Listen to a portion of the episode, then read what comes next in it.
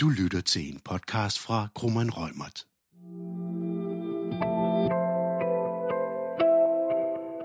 Denne podcast handler om designbeskyttelse som den oversete enerettighed. Podcasten er første afsnit i Krummeren Rømerts podcastserie om designbeskyttelse. Mit navn er Tuba Kan. Jeg er advokat hos Krum Rømert med speciale i beskyttelse og håndhævelse af designs og varemærker. Og jeg hedder Heidi Lindberg Andersen. Jeg er også advokat hos Krum Rømert, og jeg har speciale i markedsføringsret og i håndhævelse af designs og varemærker. Og i denne podcast skal vi tale generelt om designbeskyttelse, og hvorfor og hvornår man som virksomhed bør interessere sig for designbeskyttelse. Og i de næste afsnit i vores podcast-serie, så vil vi gå mere i detaljer i forhold til selve designregistreringen og værdien af at have en designregistrering, hvis man sammenligner med markedsføringsloven, ophavsretsloven og varemærkeloven.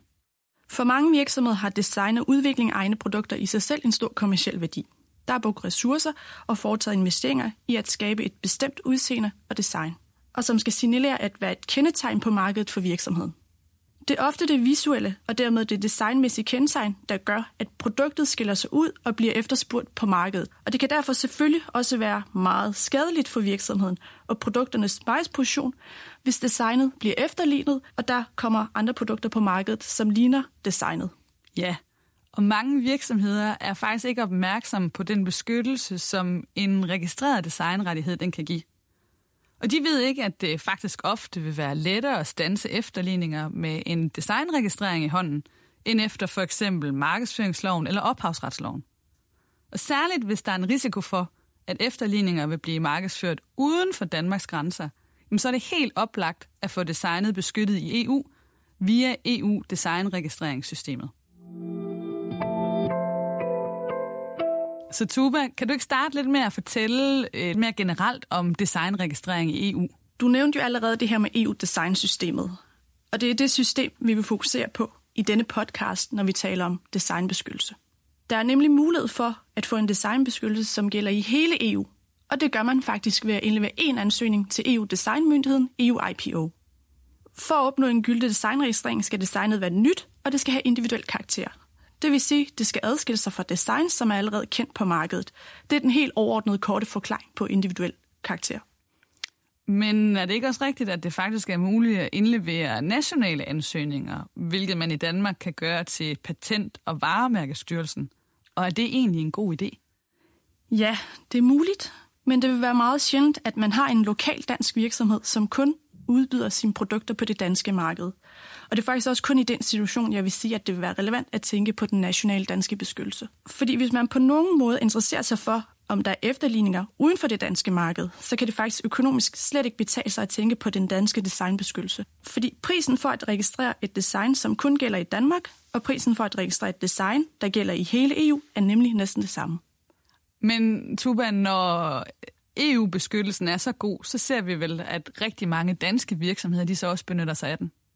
Når vi ser på de andre EU-landes statistikker for EU-designregistreringer, så kan vi faktisk se, at Danmark halter gevaldigt bagud. Siden systemet blev indført for cirka 16 år siden, er antallet af registreringer samlet set i EU kun gået en vej, og det er op. Men danske virksomheder har desværre en forholdsvis lille andel af designregistreringerne i EU. Og det kan komme bag på mange, når vi har et ry for at være en designnation. Så det, der ligger i det, det er, at danske virksomheder, de har simpelthen ikke tradition for at beskytte det, vi kalder Danish design via designregistrering. Og altså de her få registreringer, de tyder på, at mange, og selv de designtunge virksomheder, de ikke har en reel beskyttelsesstrategi, og de slet ikke benytter sig af designregistrering, selvom de udvikler og skaber egne helt nye designs, som jo faktisk er i højrisikozonen for at blive efterlignet. Og så er det jo, vi spørger os selv, hvordan kan det være? Og må ikke årsagen kunne være en kombination af flere faktorer? For eksempel så hører vi sjældent om sager, hvor domstolene eller advokaterne for den sags skyld ligefrem har givet udtryk for, at en virksomhed ville have været bedre stillet, hvis virksomheden havde haft en designregistrering.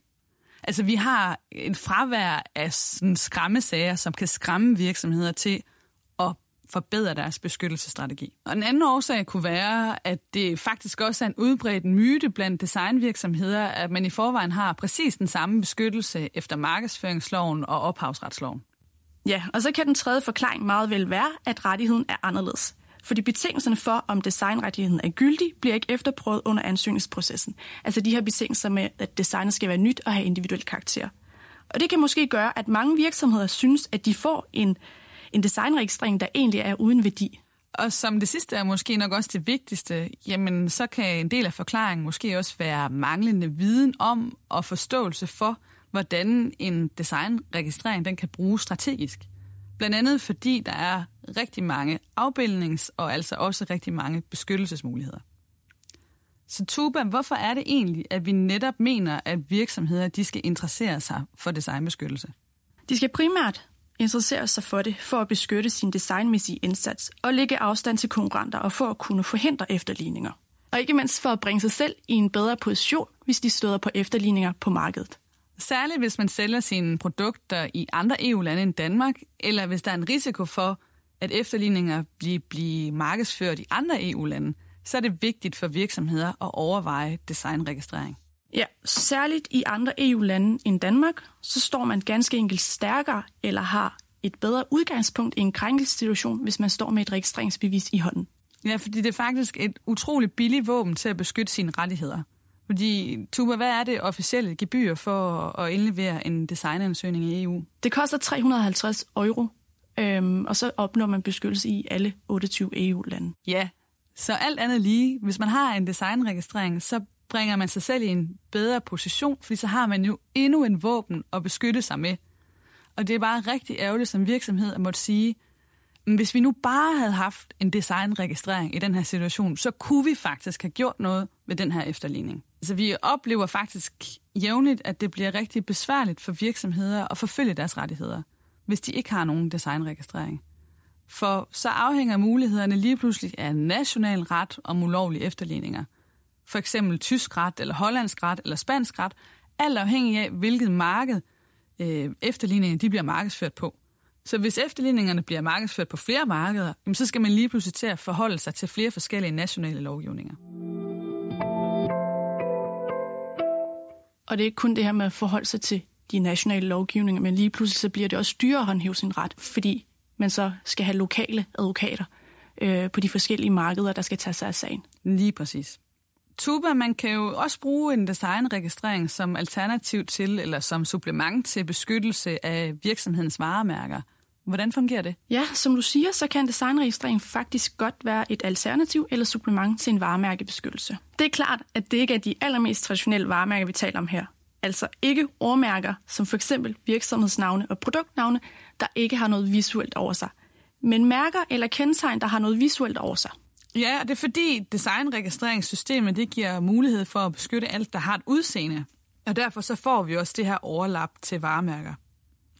Men Tuba har vi ikke egentlig allerede inden for selve varemærkesystemet en mulighed for at beskytte formen på en vare? Jo, inden for selve varemærkesystemet er det i hvert fald i teorien muligt at få varemærkebeskyttet varens form og emballage. Det kalder man for vareudstyr eller 3D-varemærker. Men udfordringen er, at det er ganske svært at opnå en varemærkeretlig beskyttelse af produktet selv, med mindre produktet er indarbejdet på markedet. Det vil sige, det har opnået en stærk position på markedet, og i sig selv er blevet et kendetegn for virksomheden. Hvis man nu har høje tanker om et produkt, og det ikke har opnået denne indarbejdede position på markedet, så er det oplagt sted at starte med at beskytte produktet via designsystemet. Og så kan man altid på et senere tidspunkt søge om at få en varemærkeregistrering på produktet. Mange store internationale virksomheder de vælger for eksempel at registrere deres logoer som designs. Og det kan der faktisk være en rigtig stor værdi i. I varemærkesystemet så har man i forhold til logoer, altså det vi kalder for figurlige varemærker, der har man skærpet kravene til, hvornår betingelserne for varemærkeregistrering er opfyldt. Så pludselig så står man som virksomhed med et nyt logo, altså et nyt visuelt kendetegn, som man måske ikke kan få registreret som varemærke. Og så kan en designregistrering altså være et rigtig godt alternativ.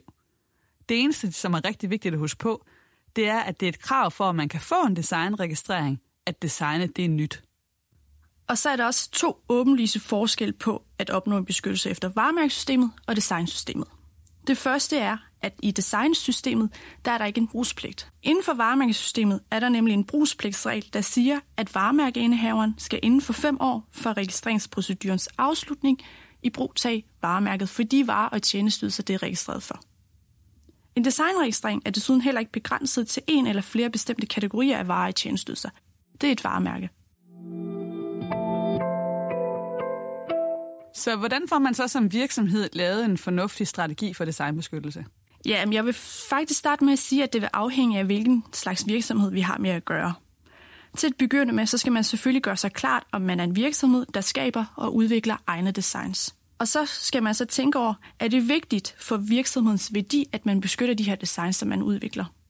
Og vil man så føle sig generet af, at andre efterligner ens designs?